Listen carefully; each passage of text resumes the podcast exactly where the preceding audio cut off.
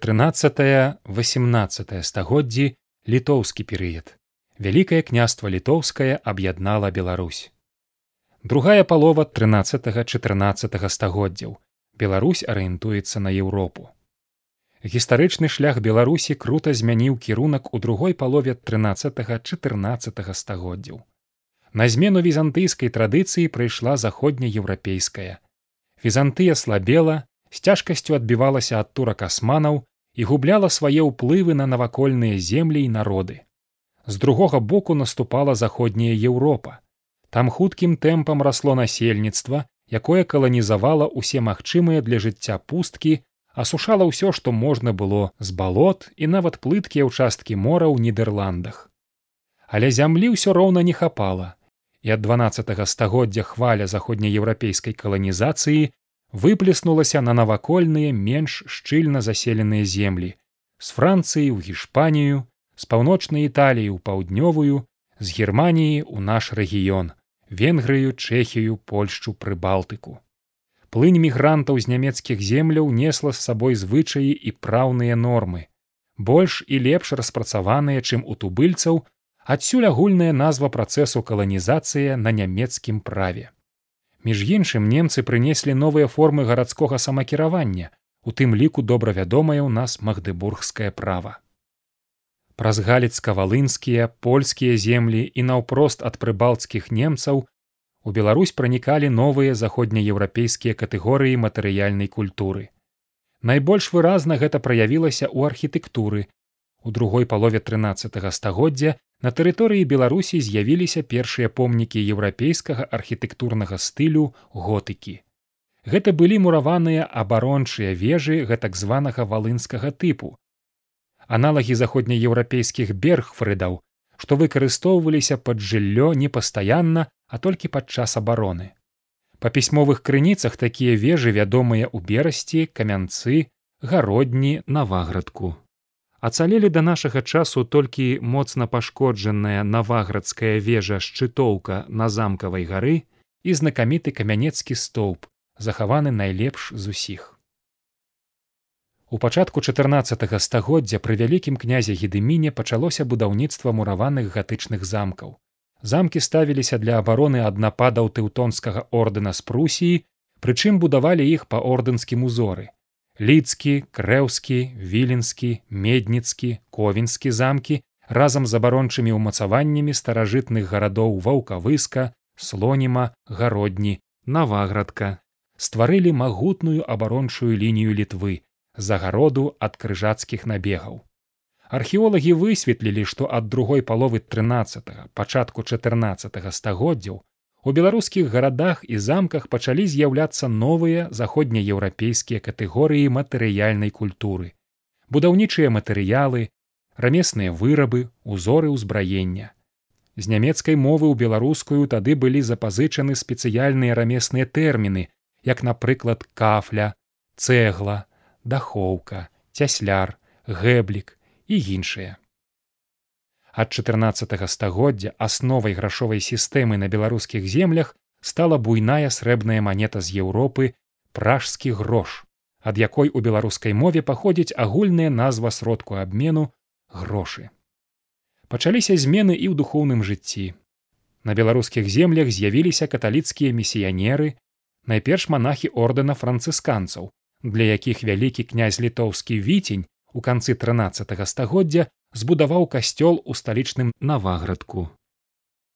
Беларусь паступова станавілася полем канкурэнцыі між дзвюма асноўнымі галінамі хрысціянства праваслаўем і каталіцтвам. За праваслаўем стаяла мясцовая амаль трохсотгадовая традыцыя за каталіцтвам моц дынамічнай заходнееўрапейскай цывілізацыі. Перамены ў цывілізацыйнай арыентацыі прыспешылі дзве важныя міжнародныя падзеі. Нашэсце на русь качэўнікаў мангола-татараў і ўзнікненне ў суседняй прусіі агрэсіўнай дзяржавы тэўтонскага ордэна крыжакоў. На поўдні мангола-татары, прыйшоўшы з вялікага стэпу ў 1237-1241 годах агнём і шабляй спустошылі расейскія ды ўкраінскія землі і пачалі імі кіраваць праз сваю дзяржаву залатую арду. Беларускія княствы засталіся ў баку ад нашэсця і не прызналі ўладу мангола-татарскіх ханаў. Але пагроза ад залатой арды адчувалася пастаянна. татары неаднойчы прыходзілі сюды паходамі. З другога боку ў прыбалтыцы замацаваўся перадавы атрад захаду тэўтонскі ордэн, запрошаны ў двадцатыя гады 13 стагоддзя ў прусію дзеля змагання з мясцовымі язычнікамі. На працягу паўстагоддзя рыцары манахі падпарадкавалі мясцовыя прускія плямёны, а ад 80-х гадоў 13 стагоддзя пачалі атакаваць беларускія і літувійскія землі.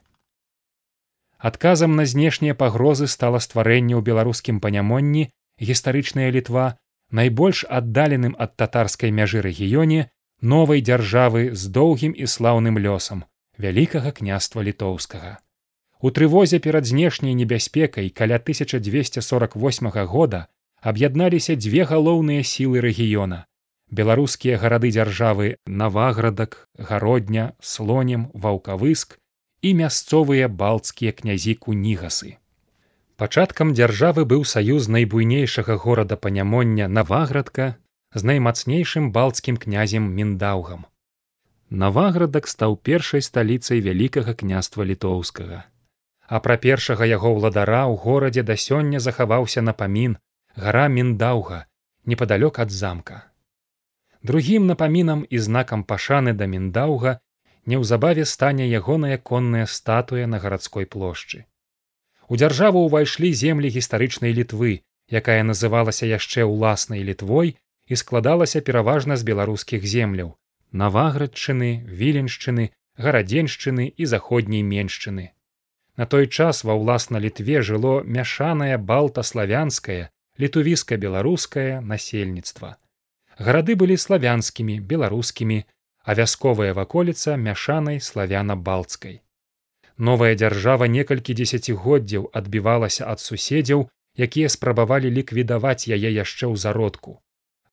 Варожае галіцка-валынскае княства імкнулася захаваць свае палітычныя ўплывы ў панямонні і стварыла супраць літвы моцную вайсковую кааліцыю. У яе акрамя галічан і валынян увайшлі яшчэ яцвягі палова жамойці і лівонскі ордэн. Літва аказалася аточанай ворагамі амаль з усіх бакоў. Вайна цягнулася ад 1248 до 1254 гадоў і скончылася прызнаннем залежнасці літвы ад галіцка-валынскіх князёў. Але важней было тое, што новая дзяржава ацалела і атрымала каля трох дзесяцігоддзяў адноснага спакою пакуль будучы галоўны вораг тэўтонскі ордэн быў заняты вайной з тубыльчымі плямёнамі ў прусіі вялікае княства літоўскае паспела ўмацавацца. Калі пасля скарэння ў 1283 годзе апошняга прускага племені ордэн уварваўся ў літву то натыкнуўся на моцны арганізаваны адпор. Амаль непарыўная ліцвінска-ордэнская вайна цягнулася з пераменным поспехам паўтара стагоддзя і закончылася разгромам ордэна под грунвальдам у 1410 годзе. Вялікае княства літоўскае з той вайны выйшла не аслабелым, а наадварот згуртаваным з моцнай цэнтральнай уладай. Скарыстаўшыся феадальнай раздробленасцю суседніх краін, літва пачала актыўна далучаць прылеглыя землі і на працягу 14 стагоддзя ў некалькі разоў павялічыла дзяржаўную тэрыторыю аб'яднаўшы пад сваёй уладай агромністыя прасторы русі. Жыхары ўсходнеславянскіх земляў найчасцей добраахвотна паддаваліся літве, каб пазбавіцца залежнасці ад чужароднай татарскай дзяржавы залатой арды.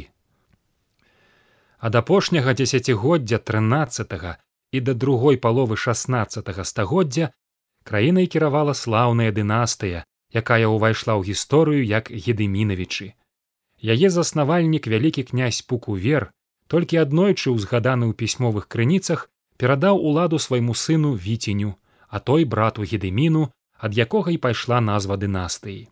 Так атрымалася што гедымін пакінуў шматлікае патомства і менавіта ён заклаў падставы велічы дзяржавы. Віцень кіраваў у перыяд з каля 1295 по 1315 гады Пры канцы 13 стагоддзя прыняў гербам вялікага княства літоўскага знакамітую пагоню. Рыцар збройны на кані, якая ў найноўшы час стала дзяржаўным гербам беларусі ў 1918 і 1991 годах вялікі князь а паводле заходнееўрапейскіх актаў кароль літвы і русі гедымін кіраваў у 1316-1341 годах стрымаў націск ордэна з поўначы і паўночнага захаду і аб'яднаў пад сваёй уладай асноўныя гістарычныя вобласці беларусі на ўсходзе і поўдні. Русь полачыну віцебшчыну магілёўшчыну і палесе справу аб'яднання беларусі ў адзінай дзяржаве дакончылі яго сыны альгерт з кейстутам і ўнук вітаут вялікі.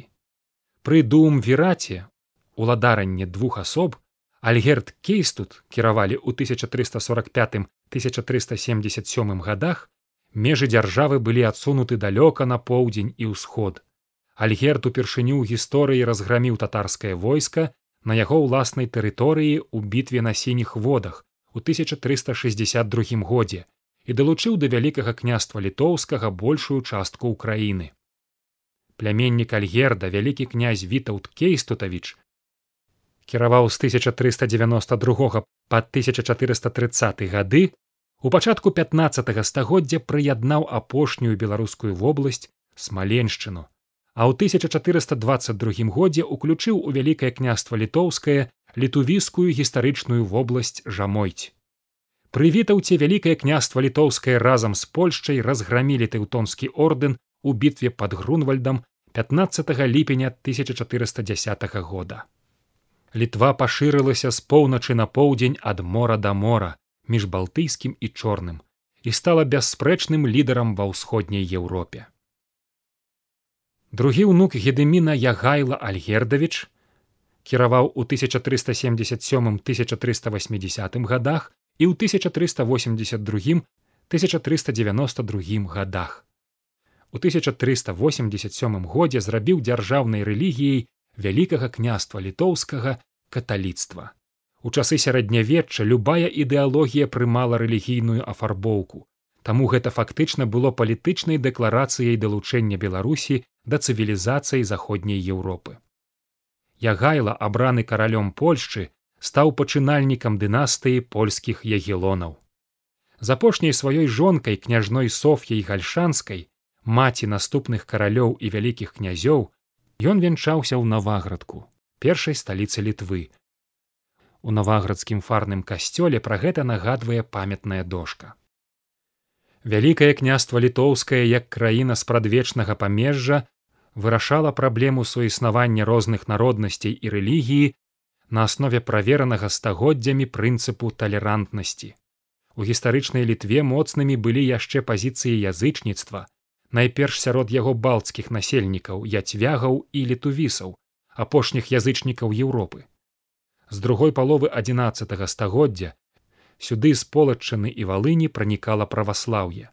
Ад восьмидесятых гадоў 13 стагоддзя з паўночнага захаду агнём і мечам прыносіў каталіцызм тэўтонскі ордэн. Дзейнічалі таксама мірныя каталіцкія місіі найперш ордэна францысканцаў. Вялікія князі літоўскія, якія паходзілі з мясцовай балцкай арыстакратыі, даволі доўга заставаліся язычнікамі. Некаторыя прымалі праваслаўе, як войшалк Міндаўгавіч, кіраваў дзяржавай у 1264-1267 годах. Кожны вялікі князь, пачынаючы ад віценя, высылаў на захад дэкларацыю аб хрышчэнні ў каталіцтва, каб такім чынам аслабіць збройны націск з боку тэўтонскага ордэна ордэн паводле сваёй дзяржаўнай дактрыны мог весці вайну толькі з язычнікамі пакуль тыя не ахрысцяцца. Але як толькі націск ордзена слабеў ліцвінскія гаспадары забываліся пра свае абяцанкі. У 1324 годзе вялікі князь і кароль літвы і русі едымін адным сказам сфармуляваў прынцып рэлігійнай палітыкі дзяржавы праз стагоддзі актуальнаю беларусі да сённяшняга дня. Няхай кожны шануе бога па-свойму. У 2019 годзе гедыміну паставілі першы ў беларусі помнік побач з ягоным замкам у горадзе ліда.